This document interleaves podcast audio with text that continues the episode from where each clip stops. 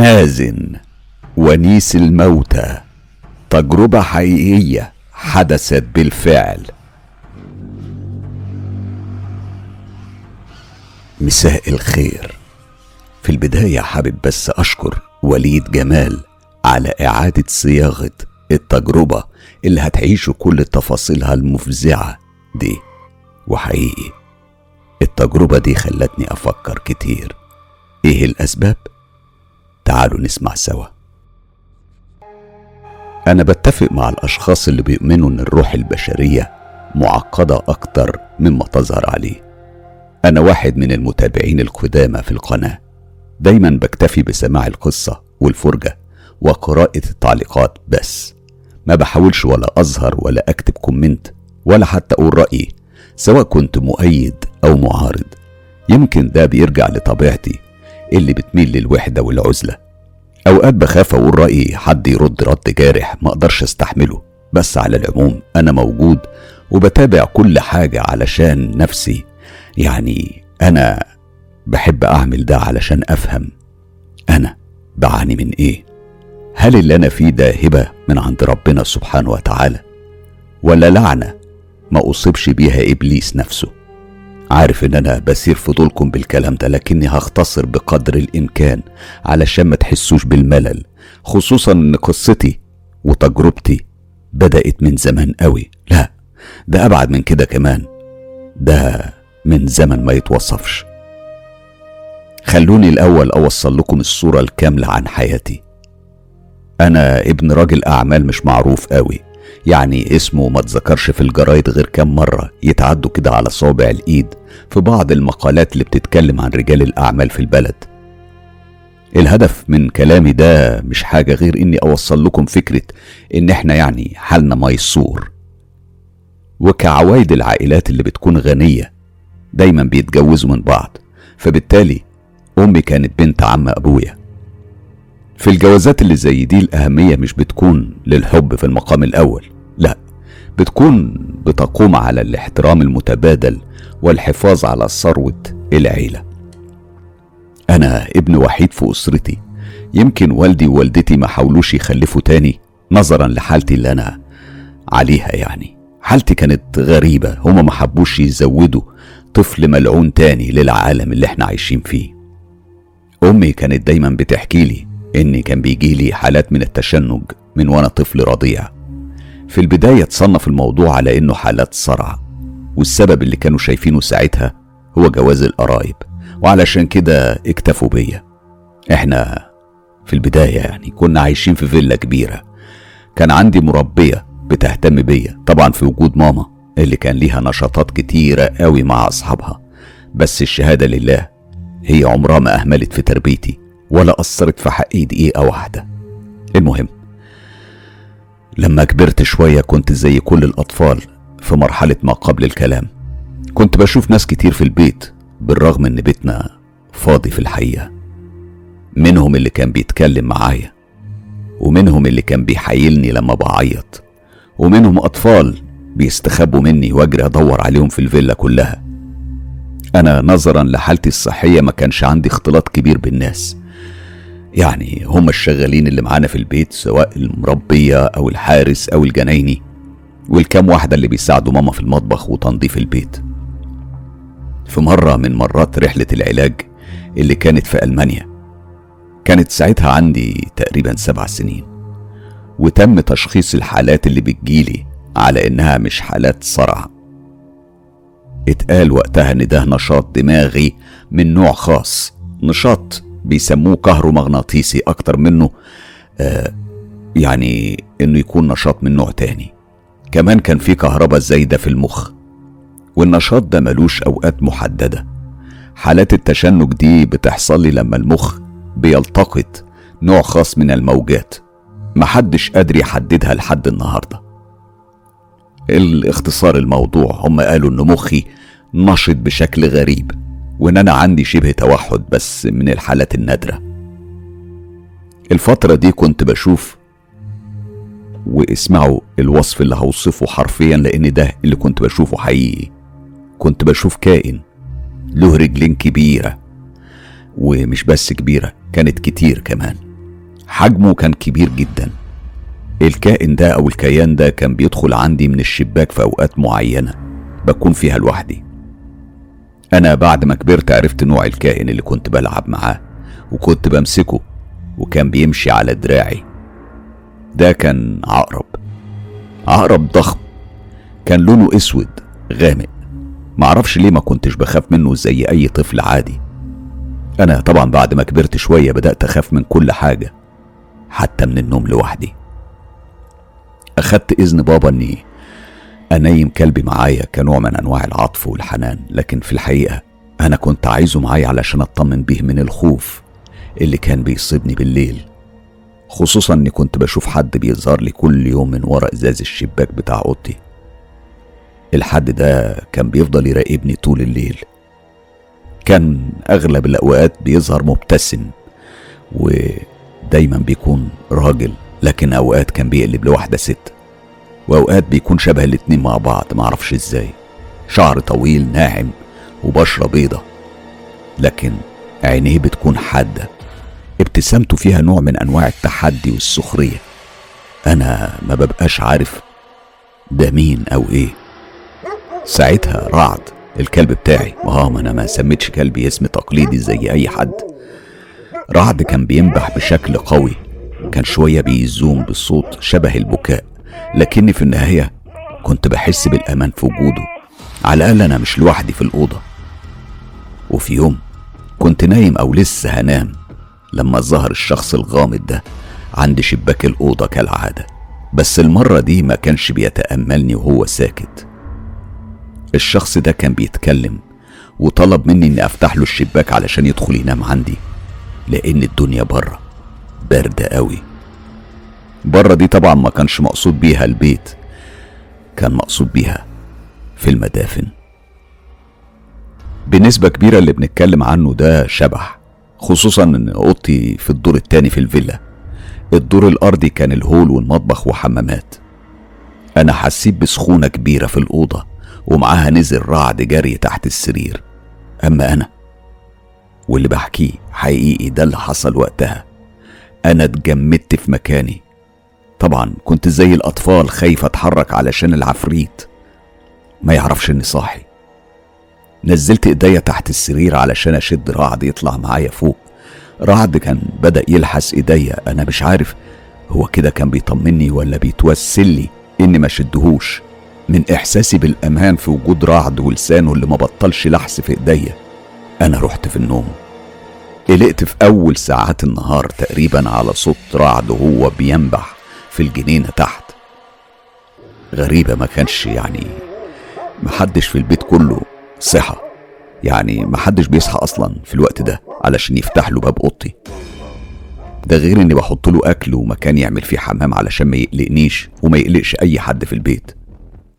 مكان إقامة رعد كانت أوضتي. يبقى خرج منها إزاي؟ أنا بصيت بخوف شديد من الشباك. وهناك كان رعد بيبص عليا من تحت وبينبح كأنه بيقول لي افتح لي. قربت من مكان رعد اللي عندي في الأوضة. وخدت بالي إنه كان واضح إنه ما قربش منه خالص. فتحت الباب فدخل جري. فضل يلحس فيا كأنه بقاله سنين ما شافنيش وكأنه بيطمن عليا. أنا لما بصيت بره الباب كان في شعر من رعد عند باب الأوضة وده معناه إن رعد بات بره أوضتي ليلة امبارح. أمال مين اللي كان تحت السرير وبيلحس في صوابعي طول الليل؟ سابني رعد وجرى قرب من السرير ونزل راسه تحته وفضل يشم شوية وهنا بدأ ينبح. كان بينبح زي المجنون وأنا هنا اترعبت. أنا جريت على أوضة بابا وماما وخبطت جامد. لما ماما ردت عليا من جوه بخوف. إيه في إيه؟ مالك يا مازن؟ حصل إيه؟ ثواني ثواني. فتحت وهي بتلبس الروب. بابا كان واضح إنه لسه بيفوق. فقلت لها ماما أنا مش عارف. أنا حاسس إن في حد عندي في الأوضة.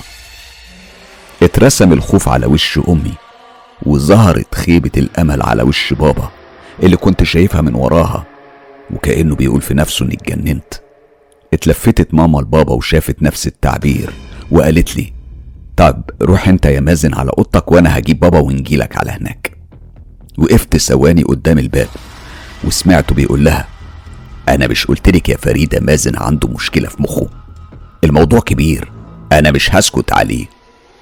معرفش ليه وبرغم إني كنت طفل تسع سنين ولازم كلام زي ده يضايقني لكن أنا ما زعلتش خالص على فكرة.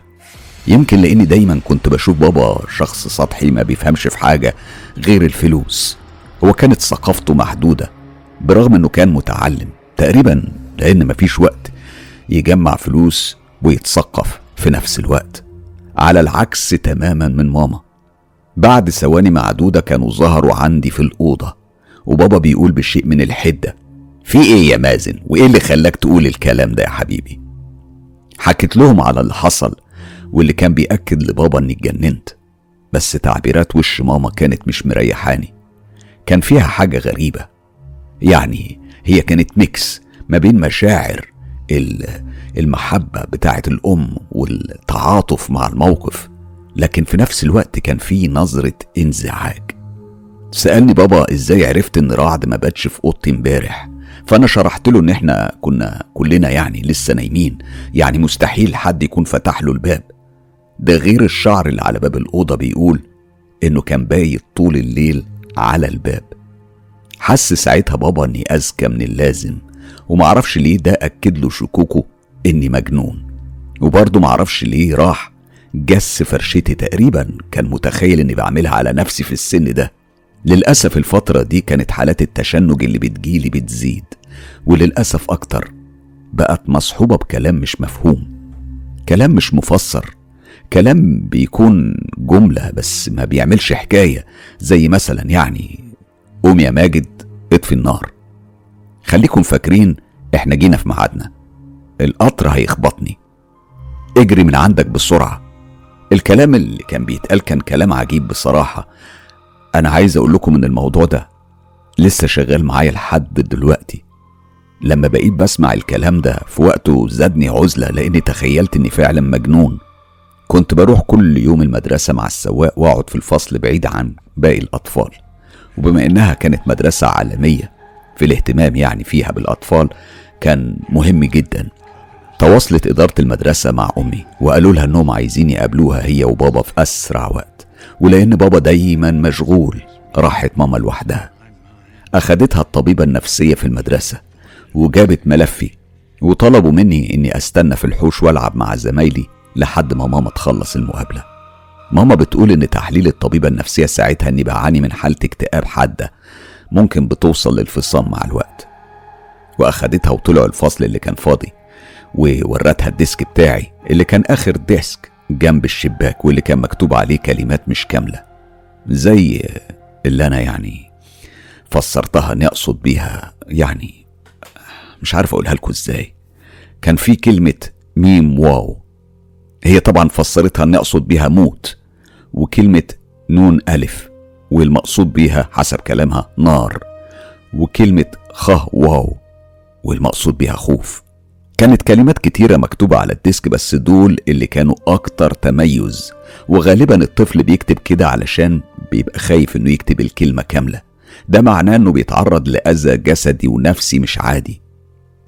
طبعا وقتها ماما حست إن يعني المشرفة الاجتماعية مكبرة الموضوع جدا لأني مش بتعرض لأي نوع من أنواع الأذى. وكمان إني معرفش معنى الكلمات دي تحديدا. أخدتها لشباك الفصل علشان توريها وأنا بلعب إزاي مع زمايلي. ماما لقتني قاعد مدي ظهري للأطفال ووشي لسور المدرسة. ده طبعا شد انتباهها. ماما أكتر من الكلمات اللي كانت على الديسك وحتى أكتر من تشخيص الدكتورة أو المشرفة. وإحنا في الطريق سألتني أمي أنا ليه ما بلعبش مع باقي الأطفال. الغريبة وفاكر كويس أنا قلت لها إيه وكنت برد عليها بمنتهى الثقة إن أنا كنت بلعب معاهم فعلا. المشكلة إني كنت مقتنع بالكلام ده بشكل كبير. كنت بحب أسمع ماما وهي بتحكي لبابا عني فكنت بروح أتصنت عليها. ساعتها ما كانش في دماغي إني بعمل حاجة غلط. كل اللي كنت عايز أعرفه هما بيشوفوني إزاي. واليوم ده تحديدا سمعت بابا وهو بيقسم إني مجنون. ماما كانت بتبكي بحرقة. واضح إنها كانت عندها نفس الفكرة عني. بس ما كانتش بتستخدم نفس المصطلح. كانت بتقول عليا مسكين. اتفاجئت تاني يوم إن بابا حاجز تذاكر لينا كلنا. ومعانا المربية. ومسافرين على ألمانيا. كان في أستاذ دكتور بيعمل أبحاث في حالات الصرع الكلي وحالات صرع الفص الصدغي وللمرة التانية أعمل رنين مغناطيسي على المخ وفحوصات وتحاليل ورسم مخ كهربائي. ونفس الكلام أنا ما عنديش صرع ولا كهرباء زيادة في المخ. كل اللي عندي نشاط كبير في أماكن خاملة في المخ. النشاط ده حسب ما الدكتور قال لهم ما بيكونش عند كل الناس. إنما في الأول والآخر هو مش أكتر من نشاط. في فترة الأجازة كان دايما بيظهر لي حد أقضي معاه اليوم سواء وأنا صغير أو وأنا كبير كمان. أول مرة ظهر لي حد فيها أنا فاكر كويس كان اسمه حسين. ما كانش من القاهرة لا كان من محافظة في مصر اسمها محافظة الغربية. هو ظهر في الجنينة وأنا لمحته من الشباك فنزلت. كان لابس جلابية زي بتاعت عم نصر الحارس. في الأول افتكرت واحد من عياله برغم إن عياله في البلد وممنوع بأمر من بابا إنهم يجوا الفيلا عندنا إلا إن ده كان هو السبب الوحيد المنطقي في وجود طفل بالمواصفات دي في الجنينة بتاعتنا. أنا اتسحبت من غير ما حد يحس ونزلت الجنينة ألعب معاه وبدأنا نتعرف على بعض. أنا قلت له إن أنا مازن ابن صاحب الفيلا وهو عرفني على نفسه بلكنة غريبة يمكن أكتر غرابة من لكنة عم نصر. بس أنا فهمته. هو كان بيقول أنا اسمي حسين ومت بالكوليرا. آه ما تستغربوش ما هو طلع كل اللي أنا بشوفهم دول ميتين أصلا. استنوا مش عايزكم تخلطوا ما بين اللي بشوفه واللي الناس بتشوفه. أنا بشوف ميتين. أنا مش بشوف جن. على القناة هنا فهمت إن أنتوا ممكن تسموهم القرين لكن يبقى القرين في النهاية جن وبكده كان ممكن أشوف أي جن. إنما أنا تحديدا مش بشوف غير الأرواح بس أو القرين بس ده غير إني زي ما فهمت القرين بيكون موجود في المكان اللي مات فيه البشري بتاعه. مش بيموت يعني واحد مثلا في محافظة الغربية ويظهر في القاهرة بعد مئات السنين. ده وضع مختلف. المهم أنا ساعتها ما كنتش فاهم يعني إيه الكوليرا ويعني إيه من الغربية. دماغي وقفت بس عند كلمة ميت. في البداية حسيت بخوف. بس حسين كان ودود جدا برغم إني مش فاهم معظم كلامه إلا إن ابتسامته كانت بتطمني. اتكلمنا شوية وحكالي عن ظروف بيتهم وبلادهم والحياة اللي كانوا عايشينها. واتنقل له المرض من مين وكام واحد من إخواته مات. وعمل لي تصور كامل للأحداث لدرجة حسستني إني واحد من أهل البيت بتاعه. وعشت معاهم نفس الأحداث. حسين ما كانش الوحيد اللي بيظهر لي. أنا شفت أطفال. وشباب بنات ورجالة ميتين كانوا بيظهروا لي في كل حتة في أوضتي أو الجنينة أو حتى في المدرسة. وزي ما قلت لكم مش لازم يكونوا ميتين في نفس المكان أو حتى المحافظة ولا حتى الدولة ولا حتى في نفس الزمان. بس اللي مش قادر أفهمه هم ليه بيجولي أنا؟ وليه بيحكولي عن حياتهم وطريقة موتهم؟ الهدف من إنهم يتعرفوا عليا ويظهروا لي ما كانش الانتقام من شخص معين لأن أغلبهم بيكونوا ميتين موتة طبيعية أو نتيجة مرض ده غير انهم ما بيكونوش شايلين حقد لأي حد. أنا سؤالي أنا مش عارف هل أنا بس اللي كده ولا في حد غيري بيحصل معاه الكلام ده. عايز أقول لكم إني أحيانا بشوف حيوانات قطط وكلاب أنا ببقى عارف إنهم ميتين في الأصل. المشكلة الأكبر إن صوت الأصوات في دماغي كان بيزيد وبيبقى أكتر منطقية. أنا أوقات بسمع حوار بين اتنين فيه تهديد بالقتل. حوار كامل بينتهي بجريمة بس ما ببقاش عارف مين دول. مش بيظهروا قدامي. حوار بس ممكن يتقال فيه الاسم الأول من الضحية وأحيانا لأ. ومش بيبقى عارف أصلا الكلام ده تم في أي عصر. بقيت قدام الناس باين إني هادي وساكت وساكن إنما أنا في الحقيقة جوايا حرب. بكل ما تحمله الكلمة من معنى. جوايا ناس كتير جدا بتتكلم وحكايات كتير بتتقال ومشاهد من خيانة وخوف ورعب وإرهاب وظلم وحقد. جوايا بركان محدش عارف عنه حاجة. في مشكلة كبيرة كانت بتواجهني أكتر وأنا صغير وهي إني ما كنتش بقدر أفرق بين اللي ميت واللي عايش لأني كنت بقدر ألمس الناس دي عادي جدا. وما بعرفش إنه ميت أو عايش غير لما يعرف نفسه ويحكي لي. إنما قبل كده بتكون المعاملة هي هي وده كان بيخليني متحفظ أكتر في الكلام. أنا دلوقتي بحمد ربنا سبحانه وتعالى لأن غالبا كانوا بيظهروا لي وأنا لوحدي ما كانوش بيحبوا يظهروا قدام حد. ولما كبرت بقيت بقدر أفرق بين الشخص الميت والحي بمجرد النظر. لحد كده الدنيا يعني ماشية كويس على الأقل بالنسبة لي. بتجيلي حالات التشنج آه إنما كنت بدأت أتعود عليها. لحد ما في يوم كنا رايحين الساحل وقتها تقريبا كان عمري حوالي 16 أو 17 سنة. بالمناسبة أنا دلوقتي عندي 23 سنة يعني أنا مش كبير. ودي من المرات القليلة اللي كان بيروح فيها معانا بابا بيودينا ويقعد يوم ويرجع هو تاني يوم. ممكن يرجع ياخدنا وأحيانا يبعت السواق يرجعنا. وده غالبا طبعا اللي كان بيحصل. المهم كنا مسافرين بالليل كالعادة. كانت في واحدة ست باين عليها إنها من الطبقة الأرستقراطية. واضح ده إن سنها كبير لأن شعرها كان أبيض بالكامل. لابسة فستان سواري كانت بتشاور علشان حد يوصلها. وقف لها بابا علشان يطمن عليها. أنا في العادة يعني وفي الحقيقة بابا ما بيقفش لأي حد مهما كانت الأسباب. بس نظرا لمظهر الست اللي واضح إنها مش متسولة. بابا وقف واتكلم معاها هو وماما. الغريبة بقى إن الست دي في الأصل كانت ميتة. لما رفضت الركوب بحجة إن طريقنا مش واحد بالرغم إن ساعتها ما كانش فيه غير هو الطريق ده وبيودي بس على الساحل إلا إن بابا وماما اقتنعوا. ومشى بابا بالعربية أو من منطلق أنت حرة يعني وإحنا عملنا اللي علينا. لما عديت من جنبها شفت على وشها ابتسامة غريبة قوي. مش عارف هي كانت عايزة توصل لي بيها إيه. ثم إزاي بابا وماما شافوها وكلموها مع إنها روح. دي كانت أول مرة تحصل في حياتي كلها إني أشوف موقف زي ده. أفكار كتيرة كانت في بالي مش هقدر أقول لكم عليها كلها. المهم أنا حاولت أنساها وأركز بس يعني كنت بحاول أركز في فكرة إنها عايشة وإن أنا نظري أو تقديري ليها خدعني.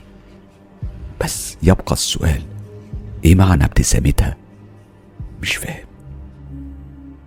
وصلنا الشاليه اللي كان على البحر مباشرة وأنا دايما بحب أقعد قدام البحر لحد ما أروح في النوم. طلعت قعدت على الرملة وأنا بملي بيها كف إيديا وأفضيها. ظهرت الست نفسها على بعد خطوات مني. وهنا بس اتأكدت إنها ميتة. قربت مني وقعدت جنبي وحكت لي ماتت إزاي. في الحقيقة هي ماتت على طريق السخنة مش هنا خالص والكلام ده كان من حوالي ست سنين.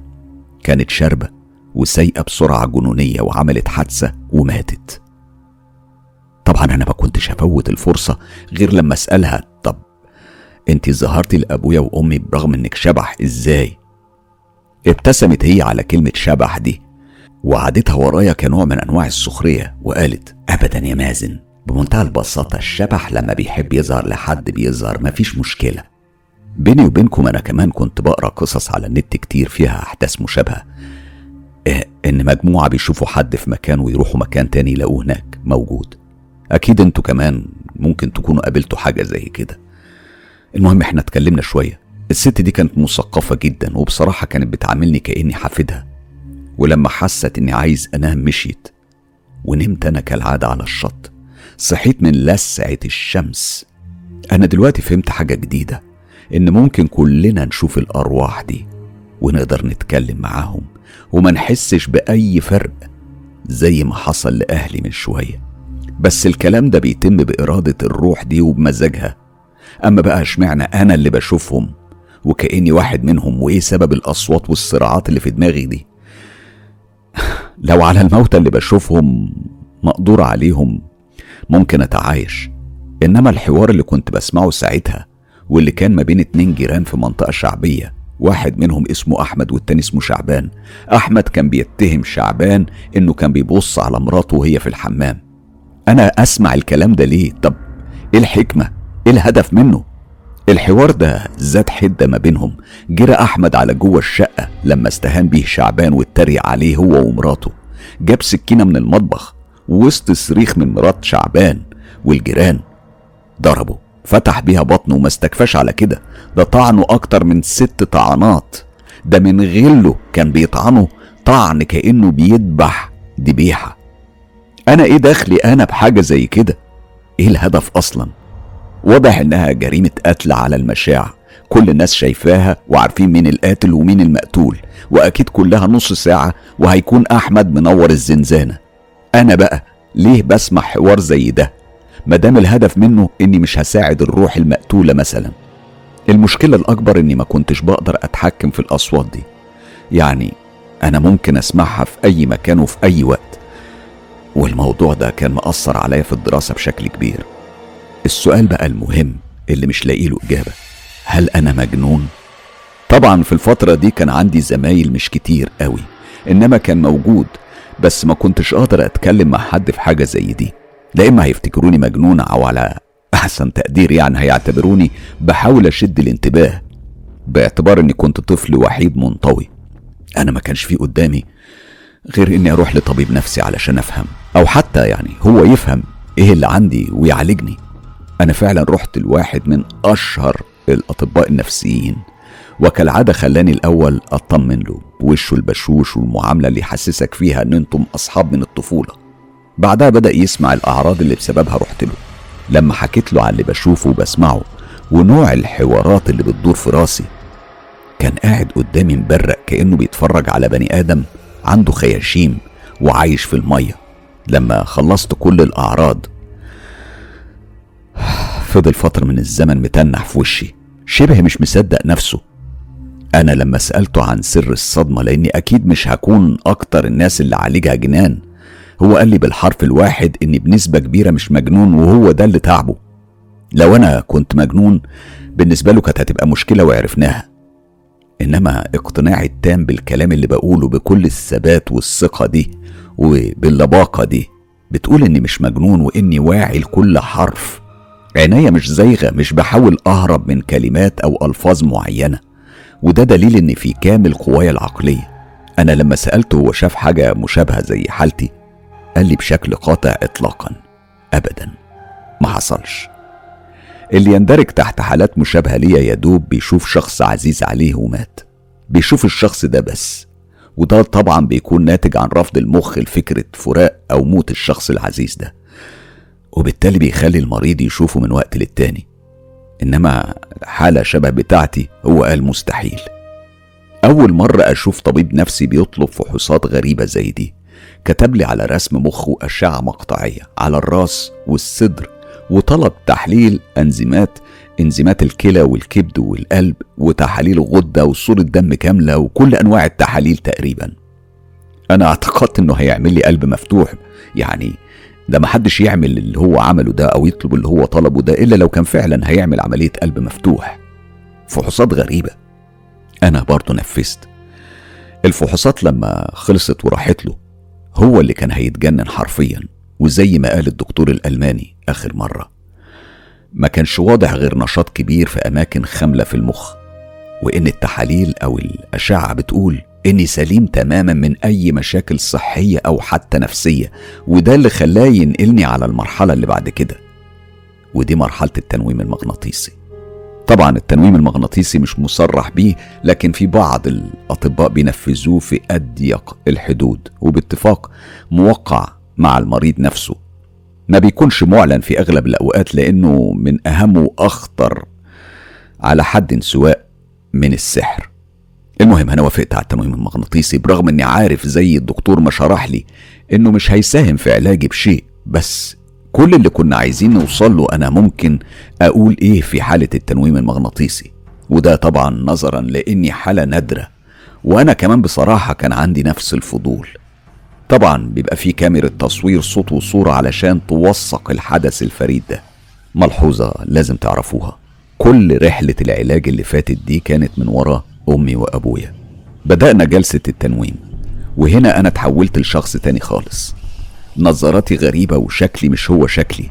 كلامي شوية عن نابليون وشوية عن ستالين وشوية عن جاك السفاح. تصدقوا أنا كنت في جزء من الحديث صديق مقرب من جاك السفاح. أنا شرحت بالتفصيل إزاي بيقطع جثث ضحاياه. أنا نقدت آخر فيلم لتشارلي تشابلن واتكلمت عن سوء معاملة البشر للحيوانات. كل ده أنا شفته في الفيديو اللي اتصور لي وأنا في حالة التنويم المغناطيسي. أنا كمان اتكلمت عن انشطار النواة وتكوين انفجار هائل قبل انتشار الحروب. اتكلمت عن الفايكنج والمحاربين القدامى من المغول. واتكلمت عن السياحة في تايلاند والآثار الإيجابية على السياح. اتكلمت عن كيفية إدارة سيرك عالمي وإيه الأسلوب الأنجح للإدارة. الجلسة العجيبة دي استمرت على حوالي خمس ساعات. خمس ساعات متواصلة.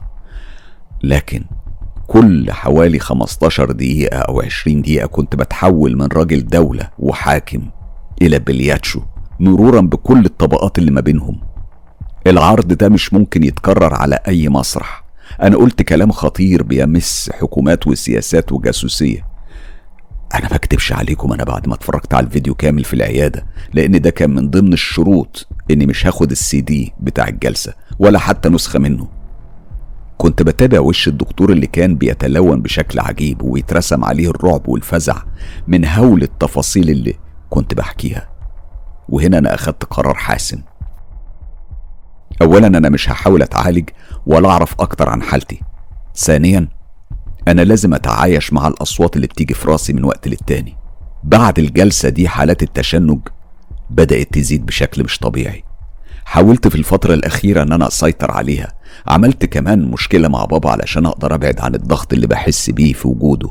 وخدت عربيتي ورحت على مكان اسمه الريف الأوروبي. هو مكان معروف على الطريق الصحراوي ما بين القاهرة والإسكندرية. عبارة عن compound أقرب لمدينة متقسم من جوه لأحياء. الريف الإيطالي والأسباني وهكذا. أنا كان كل غرضي إني عايز أعزل نفسي عن الناس كلها وأستجم. هناك حارس الفيلا هو اللي بيعتني بكل حاجة. تقريبا من وقت للتاني بيجيب ستات تنظف الفيلا من جوه. وغالبا المكان مقفول فكان يعني كفاية عليه دوب حارس واحد. وأنا في المرحلة دي مش محتاج أكتر من اللاب بتاعي والتليفون وحمام السباحة اللي كان مستنيني فيه واحد اسمه فهد. واضح من اسمه يعني إن هو مش مصري. هو لما اتكلم أنا اتأكدت إنه خليجي. هو مات من حوالي سبع شهور في عمل إرهابي لأنه كان جندي. المهم هو حذرني من اللي هيحصل في الفيلا اللي جنبي الليلة دي. واضح إن فهد ما يعرفش الظروف اللي بمر بيها. أكيد يعني مش هتحصل حاجة أسوأ من اللي أنا فيه. قضينا اليوم مع بعض في حمام السباحة وهو مشي. وأنا استنيت الليل. بدأت الحفلة بصوت ست بتصرخ في راجل كان اسمه إبراهيم. دققت النظر في الدور العالي من الفيلا. كان ظاهر واحدة ست منفعلة بشكل مبالغ فيه. آه، ده طبعا اداني انطباع إنها شاربة. الشخص اللي اسمه إبراهيم ده كان واقف ثابت هادي زي لوحة تلج اتهمته بالسرقة والخيانة والنصب والاحتيال. واضح من باقي كلامها إن إبراهيم ده كان مش لاقي ياكل واتجوزها طمع في فلوسها. وبعد ما اغتنى دمر حياتها. ووصلها لإدمان الكحول. وعايش حياته هو كل يوم مع واحدة. هنا أنا قلت في بالي إيه الجديد؟ يعني هكذا خلق الرجل. المهم ما كنتش متصور الموضوع هيكبر. تخيلت إن إبراهيم هيهدي مرام وهيثبتها كعادة أي راجل بحضن وكلمتين حلوين. لكن بعد كل الثبات ده اتفاجئت إن إبراهيم طلع من جيبه مسدس ثبته في اتجاه راس مرام وهددها بالقتل. مش عارف ليه شميت ريحة دم وده رعبني. جريت على تحت من باب الهول اللي بيفتح على حمام السباحة ومنه على السور اللي بينا وبينهم لأني مش هلحق ألف من ناحية الباب واستنى الحارس يفتح لي. المهم من وأنا على السور كنت سامع صوت كلاب الحراسة بتنبح عليا بمنتهى الشراسة بس. لسه صوت مرام بتضحك بطريقة شيطانية علشان تستفز إبراهيم. وأنا بنط على الأرض كان صوت الرصاص هي الصم البزان دي آخر حاجة أنا فاكرها لحد دلوقتي. ولحد ما فقت وأنا بايدين إيدين الحارس بتاع الفيلا اللي جنبنا والحارس بتاعنا في الهول عندنا وإيديا ورجلي شبه متشرحين من عض الكلاب. في النهاية الفيلا طلعت مش بتاعت حد اسمه إبراهيم ولا في واحدة اسمها مرام ولا الكلام ده كله.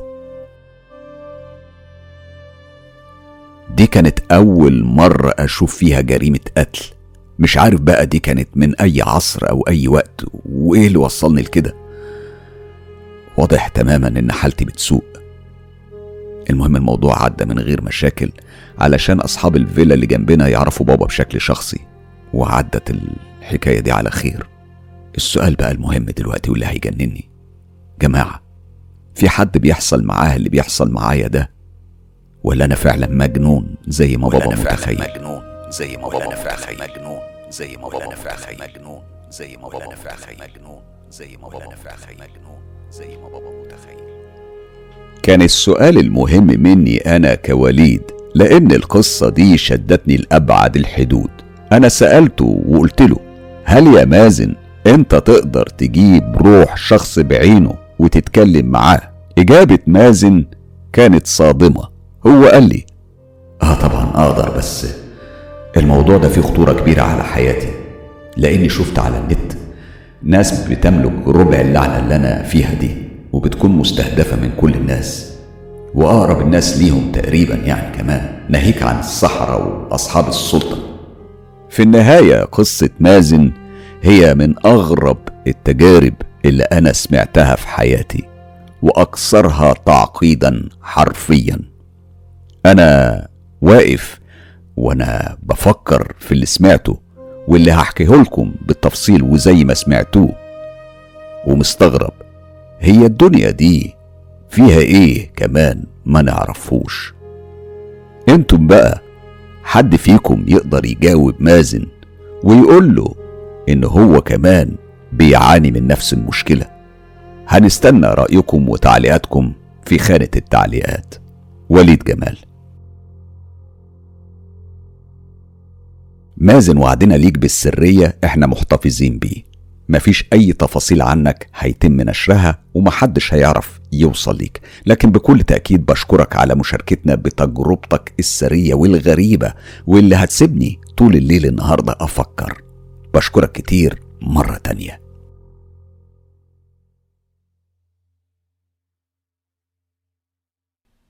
مساء الخير. أهلا بكم. آه، بقالنا فترة طويلة ما تقابلناش. والنهارده تحديدا وبعد ما سمعنا قصة مازن والأحداث آه، الغريبة اللي سمعناها فيها.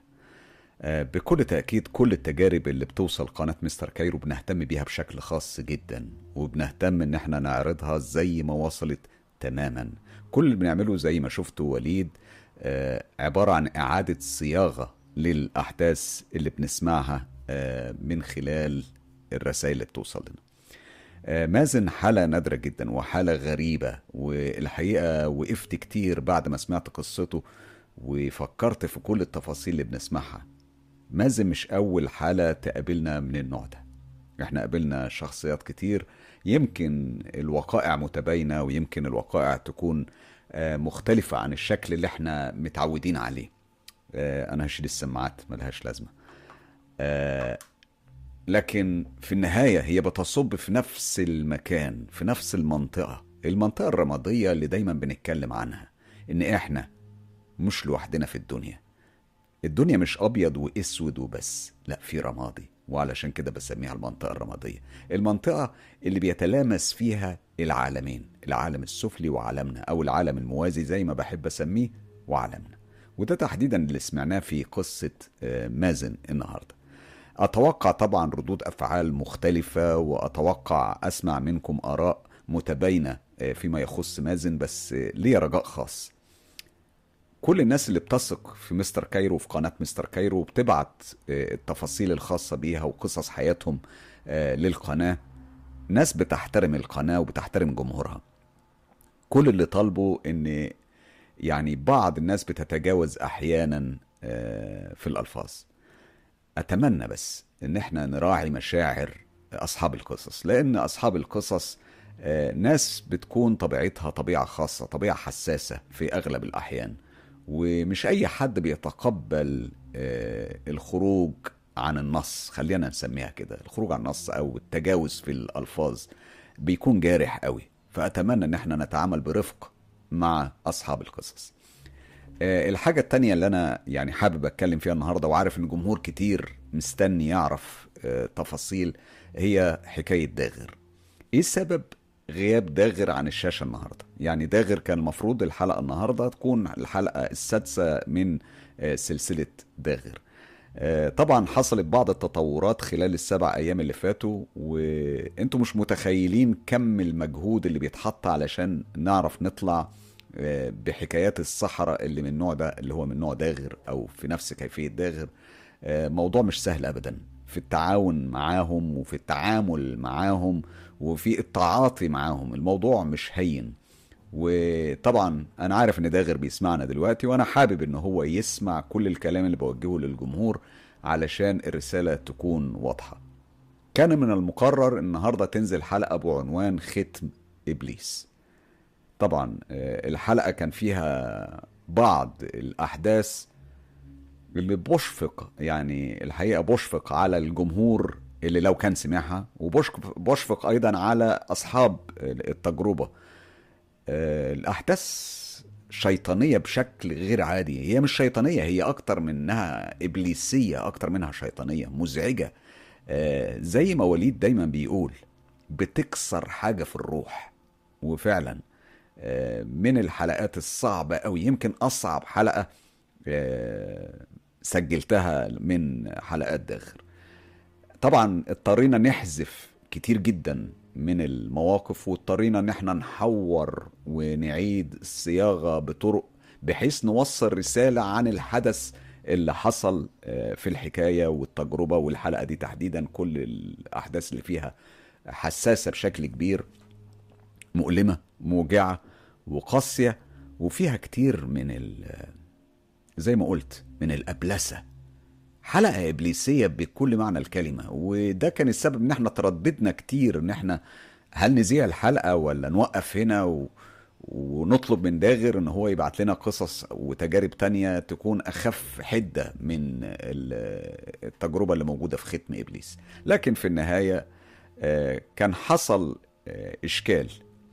حد من المتابعين مش هذكر اسمه آه، بعت لنا شكوى بيقول ان هو تعامل مع داغر ومن خلال تعامله مع داغر آه، يعني حصل نوع من الاذى للشخص ده. بعيدا عن إن القصة بعد التحقيق الكامل فيها وبعد ما بحثنا فيها أنا ووليد ورشا يعني بحثنا فيها بحث آه، وتحرينا يعني. الشخص المدعي اللي اتهم داغر اكتشفنا إنه ما عندوش أي دليل مادي على إن في حاجة حصلت.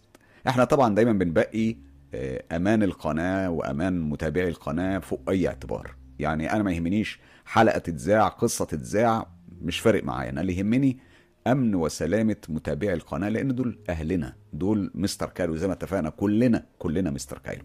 فده تحديدا اللي حصل آه، أو كان جزء من الخلاف. فالخلاف اللي حصل كان على محتوى حلقة ختم إبليس وعلى الشخص المدعي اللي ادعى على داغر إن هو حصل منه آه، نوع من من الضرر أو إن هو تضرر من التعامل مع داغر واللي ثبت فيما بعد ولسه مكتشفين يعني مؤخرا إن إن الكلام ده ما حصلش وإن هو ما عندوش أي دليل مادي على ده وإن هو كلام مرسل لكن إحنا دايما بنحب نتحقق من الحاجات اللي بنسمعها يعني. فزي ما حكيت لكم دلوقتي هما دول السببين الرئيسيين إن أنتوا النهارده ما اتفرجتوش على داغر وقررنا نطلع بقصة وتجربة آه، مازن ونيس الموتى آه، اللي الحقيقة برضو تعتبر تجربة مختلفة فريدة من نوعها ومازن كشخصية لطيفة جدا آه، أنا بوجه له التحية من خلال ال- الفقرة دي وبحترمك جدا يا مازن إن أنت قررت تفتح قلبك وتتكلم معانا وإن أنت بتحاول تلاقي حل آه، للأزمة أو المشكلة اللي أنت موجود فيها وده في حد ذاته شيء آه، شيء جيد يعني. وسعيد إن أنت يعني انفتحت على العالم الناس هتسمعك. وأكيد من وسط الآلاف اللي بتسمع قناة مستر كايرو عشرات الآلاف آه، ممكن يبقى في شخص واحدة أو واحد يكونوا بيمروا بنفس اللي أنت بتمر بيه وممكن نوصلكم ببعض وتتواصلوا وممكن من خلال ده نقدر نحل بعض الألغاز اللي كانت موجودة في تجربتك. آه، رجوعا لداغر. آه، قصة داغر عملنا استفتاء عليها لأن كان في برضه نوع من التباين ما بين الجمهور في البعض عايزها والبعض عايز آه، وقفها أو بيطالب إنها ما تتذاعش وما تتنشرش من الأساس. آه، فيما يبدو إن الأغلبية حابة إن داغر يكمل حكايته. طيب اللي تم الاتفاق عليه في القناة وده اللي حابين إن إحنا نتكلم فيه إن إحنا عملنا سيناريوهين. ارضاء لجميع الأطراف. السيناريو الأول لو آه، تم التوافق على استمرار القصة ده بالاتفاق مع داغر طبعا اللي هو واخد موقف عشان الأحداث اللي حصلت وهو مش يعني مش متجاوب قوي بسبب الإشكالية اللي حصلت. وأنا يعني متفهم ده تماما ما عنديش مشكلة في ده. لو رفض إن هو يكمل الحكاية فإحنا هننشر إحنا معانا آه، المادة آه، الخصبه اللي نقدر من خلالها نديكم آه، لمحة كاملة عن حياة داغر وسبب تغيره وسبب توبته ويعني عشان تبقوا وصلتوا لنهاية القصة. ومش هنحكي باقي التجارب وهنكتفي بهذا القدر. السيناريو التاني لو داغر وانت بتسمعني يا داغر دلوقتي أتمنى يعني تكون واصلك رسالتي بوضوح. إحنا قناة بنحاول نكون واضحين مع الجمهور ودايما لما بيحصل اتفاق بيننا وبين أي حد من السحرة التائبين بيكون في ديل أو اتفاق إن ممنوع الدعاية للسحرة ممنوع التواصل مع السحرة تائبين وده مبدأ القناة. فإحنا متفقين طالما الشخص اللي تسبب في المشكلة ثبت إن هو آه، ما عندوش أي دليل وإن هو كاذب فبالتالي إحنا بنطلب منك ان إحنا نكمل باقي تجاربك. وبحترم طبعا آه، حتة انك متضايق واخد في نفسك. دي حاجة أنا فاهمها كويس جدا. آه، لكن في النهاية لا يصح الا الصحيح وإحنا دايما بنلتزم بقواعد ونحب نتعامل بيها. فبوجه لك الدعوة ان إحنا نكمل حلقاتك ابتداء من الأربع اللي جاي. ده لو حبيت يعني وتستمر في انك تبعت لنا باقي التجارب اللي عندك. وإحنا هنتعامل من هذا المنطلق. أتمنى ده يكون وضح للجمهور آه، إيه اللي بيحصل ورا الكواليس. آه، الجزئية دي مهمة جدا بالنسبة لنا. آه، طبعا الفيديو ده هينزل لمنتسبي قناة مستر كايرو عرض أول. بصفتهم هم منتسبي القناة واللي بيدعموا القناة فطبعا يستحقوا إن هم يشوفوا ال- الفيديوهات كعرض أول وده طبعا جزء من الباقة بتاعتهم. الجمهور العظيم جمهور قناة مستر كايرو اللي بحبه من قلبي. أنتم دايما في ظهرنا ودايما معانا. وعلشان كده إحنا ما ما بنبخلش عليكم ابدا بأي حاجة. كل اللي بنقدر نعمله فعلا بنعمله. وأهم حاجة بنعملها هي الوضوح والصراحة وإن إحنا نكون مباشرين معاكم تماما. وده السبب إن أنا بعرض عليكم الفيديو ده واللي بتمنى إن هو يكون جاوب على كل أسئلتكم. آه، نقطة أخيرة حابب أتكلم فيها قبل ما أختم آه، كلامي النهاردة. لو عندكم مواضيع حابين إن إحنا ندردش فيها ونتكلم فيها ونفتحها ونعمل live مخصوص علشانها آه، أنا هنزل post على منتدى القناة وهينزل كمان على الفيسبوك على آه، الصفحة الخاصة بينا صفحة عراب الجن مستر كايرو على فيسبوك وكمان على جروب عراب الجن آه، مستر كايرو على فيسبوك. من خلال ال- ال post ده تقدروا تحطوا كل الاستفسارات الخاصة بيكم وهنعمل live كبير هيضم آه، كل آه، آه، ال admin بتوع قناة مستر كايرو. ومن خلال ال live ده نقدر ندردش مع بعض كلنا ونحكي ونسمع بعض بشكل أفضل. وتقولوا لنا إيه اللي مش عاجبكم في القناة؟ ده في المقام الأول اللي يهمنا. وبعد كده تقولوا لنا إيه اللي عاجبكم وحابين إنتوا تشوفوا منه أكتر بكتير. بتمنى أكون لخصت كل النقط اللي أنتوا حابين تعرفوها خصوصا موضوع داغر. ومرة أخيرة بوجه تحية كبيرة لمازن آه، ونيس الموتى أو الاسم اللي اختاره وليد وأنا حبيته جدا الحقيقة. بوجه له تحية كبيرة من خلال قناة مستر كايرو. وبقول له بتمنى بتمنى يا مازن إن إحنا نلاقي حل معاك وبتمنى نسمع منك أكتر تفاصيل عن أحداث حياتك اللي واضح إنها مثيرة جدا وفعلا بتشد. بشكركم جدا. وإلى اللقاء.